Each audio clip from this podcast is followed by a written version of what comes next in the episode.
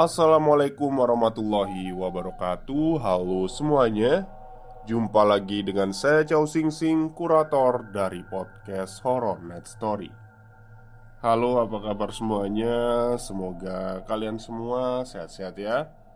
Dan seperti biasa pada siang hari ini saya kembali Dan akan membawakan sebuah kisah mistis untuk kalian semua Kisah mistis kali ini saya datangkan dari treat horornya Horrorism 13 Yang menceritakan tentang portal gaib yang ada di rumah salah satu narasumbernya. Oke, daripada kita berlama-lama Mari kita simak ceritanya. Saya bercerita sebagai orang ketiga ya guys Dan saya juga sudah minta izin ke pemilik cerita dan alhamdulillahnya diperbolehkan dengan catatan Menyamarkan nama, tempat, dan alamat. Kisah ini berawal dari salah satu SMP di Kabupaten C di Provinsi Jawa Tengah. Saat bel istirahat berbunyi Randy Begitu sapaan kawan-kawannya di sekolah. Heh, kamu tahu nggak Ren? Adik kelas kita udah lama sekali nggak masuk Kata salah satu teman sekelas Randy. Alah, palingan juga sakit. Sudahlah, nggak usah ngomong yang enggak-enggak Ih, beneran tahu? Orang katanya udah sebulan gak di rumah. Tuh lihat Orang tuanya Sampai bolak-balik ke sini. Anak ini ya Cuma gitu aja dibikin ribut Bela Randy untuk sedikit mengalihkan perhatiannya. Dengar-dengar sih dibawa sama Wewe Gombel. Bisik kawan Randy itu dengan sangat perlahan. Shh, ngawur kamu. Jangan ngomong seperti itu. Dan tiba-tiba bel masuk pun berbunyi. Saat di perjalanan Randy menuju rumahnya, dia memang terus terngiang dengan apa yang dibicarakan oleh temannya itu tentang Wewe Gombel. Karena menurut urban yang beredar, saat anak kecil bermain di luar saat maghrib, itu memudahkan dia, Wewe Gombel, untuk mengambil anak kecil itu ke dunianya. Awalnya memang Randy tidak percaya dengan hal itu Sampai suatu waktu di mana Randy pulang mengaji bersama kawan-kawannya di hari yang hampir gelap. Saat mereka berjalan menuju rumah masing-masing Ada kerumunan warga yang terlihat kesal.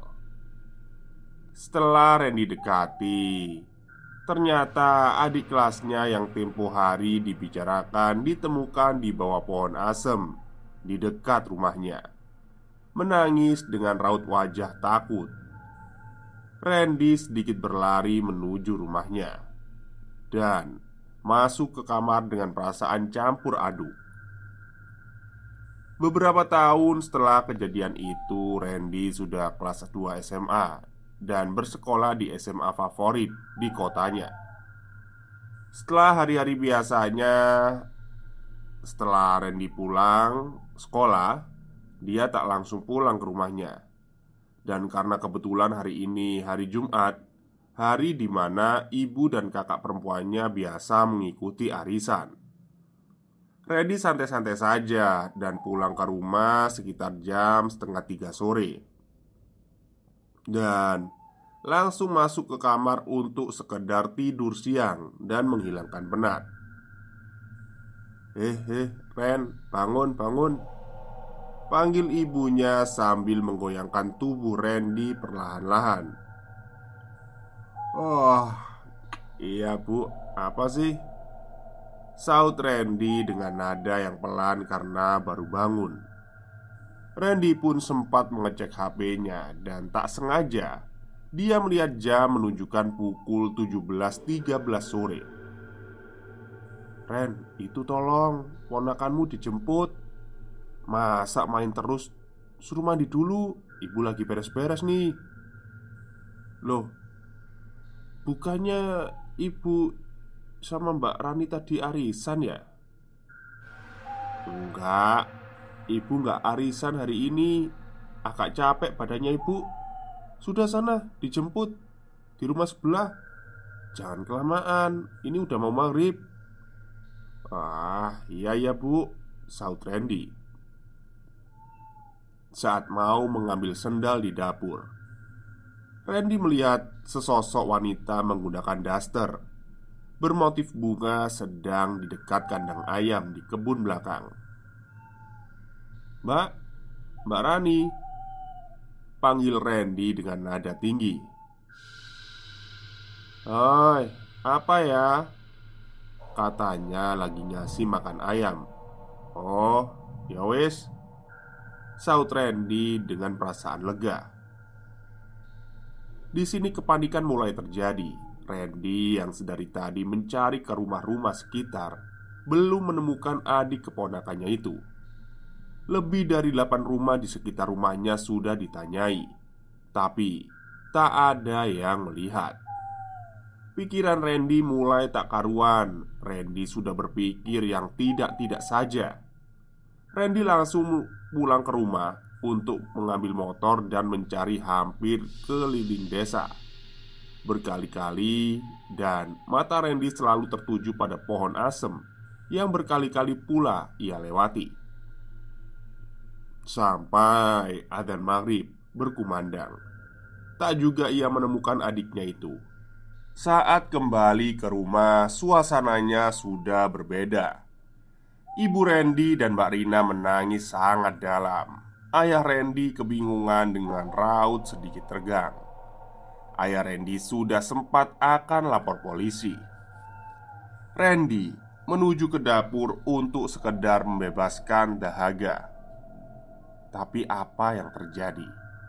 Dia malah mendengar suara anak kecil menangis. Dan parahnya lagi, suaranya adalah anak perempuan. Padahal adik ponakannya itu adalah anak laki-laki. Kesabaran Randy pada makhluk itu sudah habis. Semua lampu yang bisa dijangkaunya dimatikan. Tian, Tian, kamu di mana? Panggil Randy setelah mematikan semua lampu. Sembari memanggil Randy pun membuka semua lemari yang ada di dekatnya Dan tiba-tiba Suara tangisan anak perempuan itu menghilang Dan muncul lagi bahkan lebih keras Saat Randy membuka pintu Menuju kebun yang ada di belakang Hawa panas tiba-tiba menjadi dingin dan sunyi senyap tanpa rasa takut, Randy terus menuju ke kebun belakang, tepatnya di bagian sekitar kandang ayam. "Pak, Pak, tolong ambilkan senter saya." Teriak Randy ke ayahnya yang berada di teras rumah. "Iya, iya, sik, sik." Setelah beberapa menit, ayah Randy datang dan memberikan senter yang diminta. Randy menerangi semua sudut kandang ayamnya dan tidak menemukan apa pun berkali-kali. Randy tetap menerangi kandang ayam itu dan tak ada apa pun di sana. Padahal dia yakin suara anak perempuan tadi berasal dari sekitar kandang ayam. Randy mencari ke sekitaran kebun. Giliran ayahnya yang mencari di sekitar kandang ayam. Dan hal yang mengejutkan terjadi. Astagfirullah.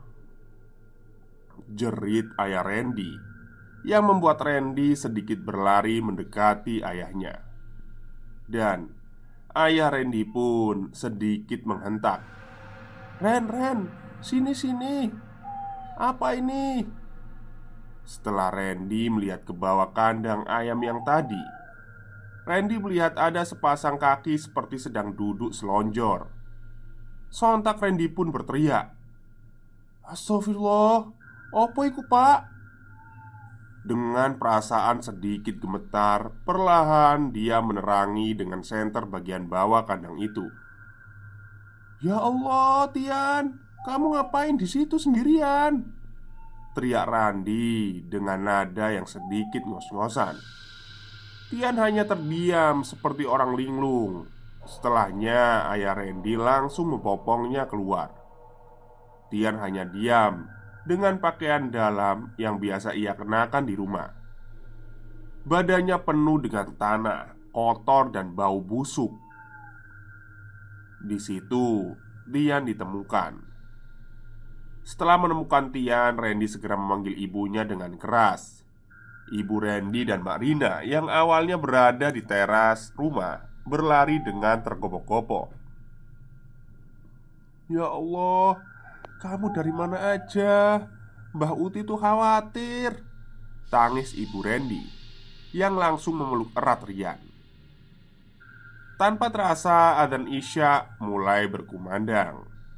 Tian pun dibawa masuk ke dalam rumah dan dipanggillah Pak Kiai kawan ayah Randy. Tian dipangku bundanya dan dipijit kakinya dengan keras oleh Pak Kiai. Tian diam tak bergeming. Aku udah keras loh ini megangnya Kok nggak nangis ya? Padahal kalau orang biasa kayak gini Itu udah nangis Kata Pak Kiai Tak selang beberapa lama, Mbak Rina bertanya kepada putranya yang sangat dicintainya itu. Sambil menangis, dia bertanya, "Kamu dari mana tadi, Nak?" Bunda nyariin kok nggak ada Dengan nada yang sangat polos Tian menjawab Tian dari tadi di situ bun Nggak ke mana-mana Tian juga lihat Bunda tadi ngasih makan ayam kan? Bunda aku panggil tapi diem aja nggak nyaut. Semuanya terdiam dan saling memandang. Padahal Tian ada di sana Tapi Mbak Rina tidak melihatnya. Tian tadi tuh mau ngenalin temen Tian. Satu cewek Satu cowok pun Semua orang semakin heran kecuali Randy. Dengan nada sedikit membentak, Randy bertanya, "Mana sih? Om tadi juga di situ pas malam-malam, pas habis adzan maghrib. Tian nggak ada, temannya Tian juga nggak ada. Malam apanya om? Orang tadi Tian juga lihat om. Tian malah bingung. Om teriak-teriak sambil bawa senter. Malam Tian. Abis adan Om ke situ nyariin Tian Kata Randy menyangkal. Siang Om. Tian juga bingung ngapain siang-siang Om bawa senter. Orang Tian mainin pasir sama teman-temannya Tian Sahut Tian lagi Makanya Tian kaget waktu kakung gandong Tian Kok tiba-tiba udah gelap ya? Malam sudah berlalu, keesokan harinya Randy tak mau kejadian itu terulang lagi. Sepulang sekolah, Randy langsung pulang dan menemui Tian. Nah, kemarin itu ya, siang-siang kayak gini, Om, waktu Om datengin Tian pakai senter. Sahut Tian secara tiba-tiba. Tapi Randy tidak menggubris dan tetap bermain dengan Tian. Beberapa tahun setelah kejadian itu, Tian yang sudah beranjak besar malah terlihat semakin kuat fisiknya. Terlihat saat itu ibu Randy baru saja selesai merebus air dan kondisinya sangat panas karena mau digunakan untuk menyeduh teh. Tanpa sengaja menabrak Tian yang sedang berlari kecil dan biur. Air yang baru direbusnya tumpah ke punggung Tian. Semuanya panik. Tian dengan santainya berbicara. Waduh, om liatin punggung Tian dong Kok agak pria. Dan Randy pun melihat punggung Tian Yang sudah melepuh Terkena air sekaligus Mengeluarkan banyak darah Masya Allah Tian, kamu gak ngerasa sakit? Enggak sih om, cuma perih doang sih Jawab Tian dengan tegas. Dan sejak malam kejadian itu Kawan ayah Randy yang notabene kiai Datang ke rumah Randy silih berganti. Dan alhamdulillahnya sampai saat ini kejadian yang sama tidak terulang lagi. Tempo hari sebelum Randy menceritakan hal tersebut Kita sedang berkumpul bersama Ada salah satu anak yang memang diberi sedikit kemampuan khusus oleh Allah. Irfan namanya. Aku takut di rumahmu ada portal yang menghubungkan dia dengan dunia kita. Saud Irfan setelah mendengar cerita dari Randy. Ya, aku juga takutnya seperti itu. Tapi alhamdulillah sampai sekarang nggak ada apa-apa kok. Sekian cerita untuk kali ini. Semoga kalian suka. Nanti bakal banyak cerita dari tweet akun ini. Terima kasih sudah membaca. Oke, itulah cerita dari uh, Hororism dan diceritakan oleh Randy yang ponakannya diculik oleh bangsa halus ya, terjebak di portal lain. Jadi yang nyulik itu bukan Wewe Gombel Melainkan Ya bisa jadi makhluk lain gitu ya Terus masuk ke alam lain. Baik mungkin itu saja cerita dari Chow Sing Sing. Semoga kalian suka. Selamat malam Maksudnya selamat siang Dan selamat beristirahat